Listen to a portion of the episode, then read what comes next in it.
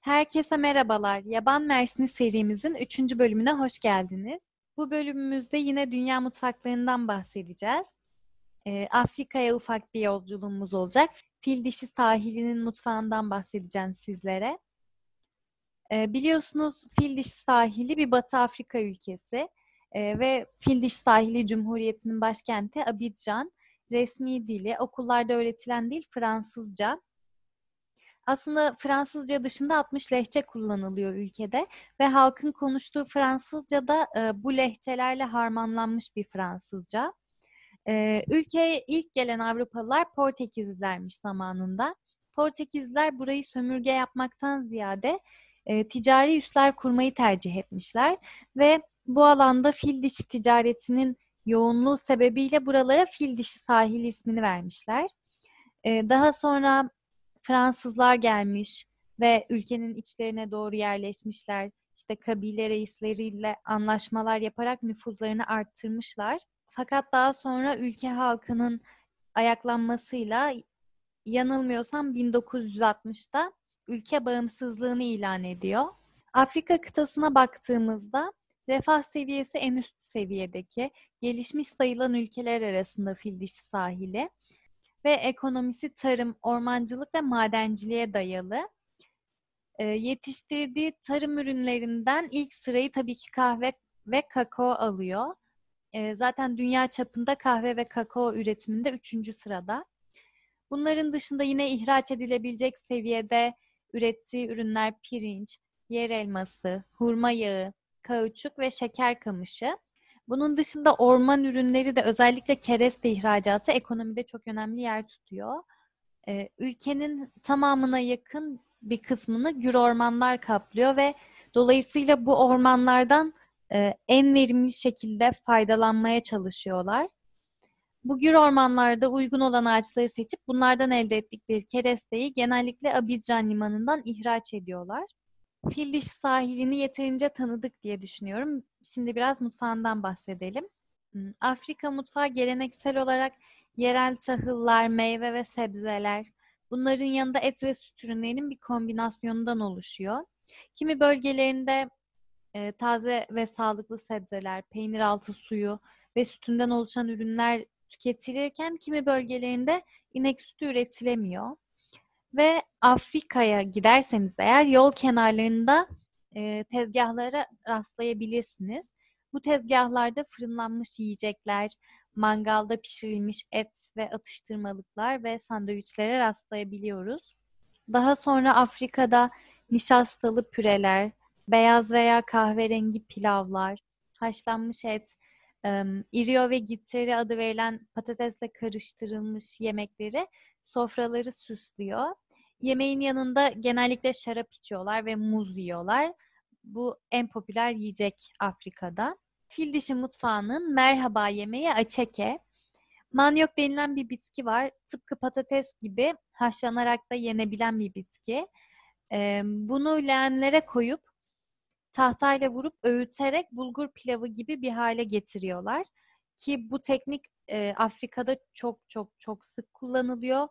E, leğenlerde çok fazla büyük yani kaşık olarak düşünmeyin çok büyük ve kalın tahta sopalarla e, besinleri öğüterek tüketiyorlar. Ve böylece açake dedikleri şey ortaya çıkıyor. Ama çabuk bozulduğu için hazırlandıktan sonra bir gün içinde tüketmeleri gerekiyor. Tek başına yenildiğinde çok bir belirgin tadı yok. Ee, bizdeki kuskusa benzer bir tadı var sanırım. O yüzden genellikle ya balıklı, yumurtalı ya da tavuklu hazırlanmış bir sosla yeniyor. Ve yerken kaşık kullanmıyorlar. Açekeyi elle yiyorlar. Bu manyak bitkisinin kullanıldığı başka meşhur bir yemek daha var. Fufu yemeği. Biraz bundan bahsedeyim. E, yer elması, manyok, mısır ve muz püresi gibi nişastalı kök sebzeler kullanılıyor bu yemek yapılırken. Bu malzemeleri suda ıslattıktan sonra kabuklarını soyuyorlar. Daha sonra haşlıyorlar. Sonra balık, et ve sebze içeren çorbaların içinde kullanıyorlar ya da çeşitli soslarla birlikte et, balık ya da yengeç parçalarıyla servis ediyorlar. Demin de bahsettiğim gibi ülkede e, orman çok fazla olunca e, bu bitkileri en verimli şekilde kullanmaya çalışıyorlar. Örneğin baobab ağacının meyvelerini yiyecek olarak kullanıyorlar ve baobab meyvesinin pazarda satılması pazara bereket getirir diye bir inanış var. Daha sonra dondurma ve cheesecake gibi gıdaların içine de koyuyorlar. Başka bir bitki örneği verecek olursam ebegümeci çiçeğiyle hazırlanan bir içecek var. Bu içeceğin ismi Bissap. Bu Batı Sahra altı ülkelerinin iklimi sıcak olduğu için ferahlatıcı özelliği sebebiyle çok fazla tercih ediliyor. Fil dişi sahilinin yıllık sıcaklık ortalaması sanıyorum 25-27 derece ama çok fazla nem olduğu için e, insanlar hani ferahlatıcı yiyeceklere yönelim gösteriyorlar. Bu bir sap içeceği aynı zamanda halk için Ramazan sofralarında vazgeçilmez içeceği. Her evin kendine has bir reçetesi var ve bu bir sap e, şerbetinin içine e, limon suyu ya da ananas suyu koyarak zenginleştirebiliyorlar tarifi. Şimdi gelelim lezzetli mi lezzetli kokusuyla ülkeyi buram buram saran kakaoya. E, kakao üretimi Fildiş sahilindeki tarımsal üretimde en büyük paya sahip. Hatta dünya kakao üretiminin yüzde 33'lük payını Afrika Fildiş sahili sağlıyor. Bunu da Gana'nın takip ettiğini biliyoruz. Kakao tohumundan kakao meyvelerini kavrulup öğüterek e, yarı akışkan yağlı bir ürün elde ediyorlar. Bu kakao likörü. Daha sonra kakao tohumlarının kavrulması ve preslenmesiyle kakao tozu elde ediliyor ve kakao yağı çıkarıyorlar. Daha sonra bu ürünler kakao içeceğinde, çikolata yapımında, dondurma yapımında ve pek çok pastacılık ürünlerinde kullanılıyor. Bu bahsettiğim kakao likörü, kakao yağı, şeker ve sütü karıştırarak çikolata elde ediyoruz.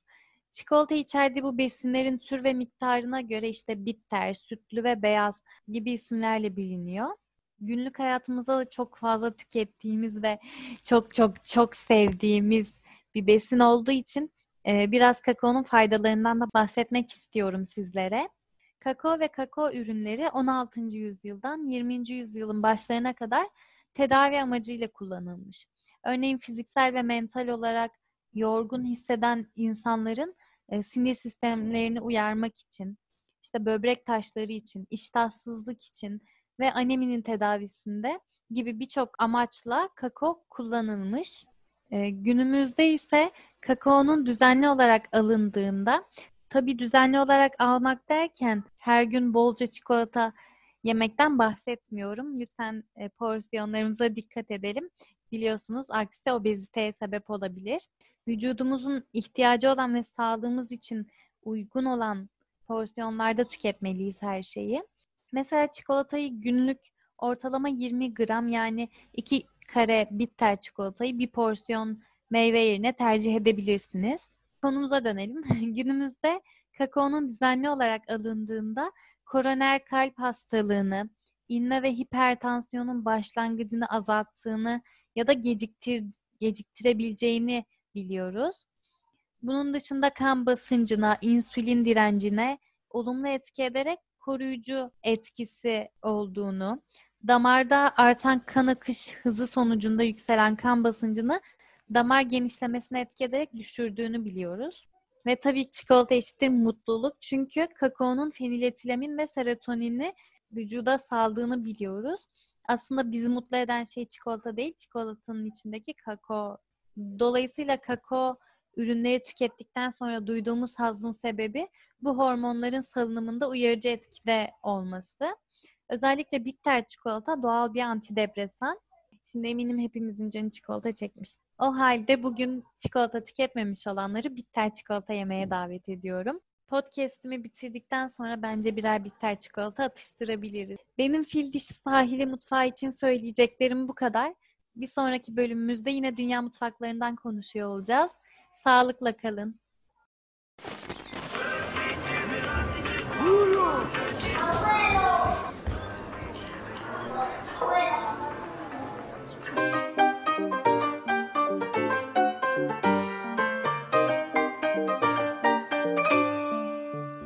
C'est qu'un mioche, un môme de trop. Rien qu'un gosse parmi des milliers de fous. Il est pas moche, non pas non plus beau. Pas facile de faire son nid, son trou. Haut comme trois pommes, demi-homme. Cherche un cœur gros comme un soleil. Un petit peu d'amour en somme.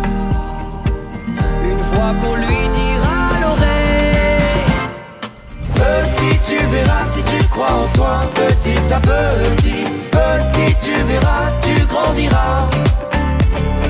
Petit, tu verras si tu crois en toi. Petit à petit, petit, tu verras, tu t'aimeras. Petit, tu sais, si souvent les mots résonnent bien plus fort que les coups. Il n'est jamais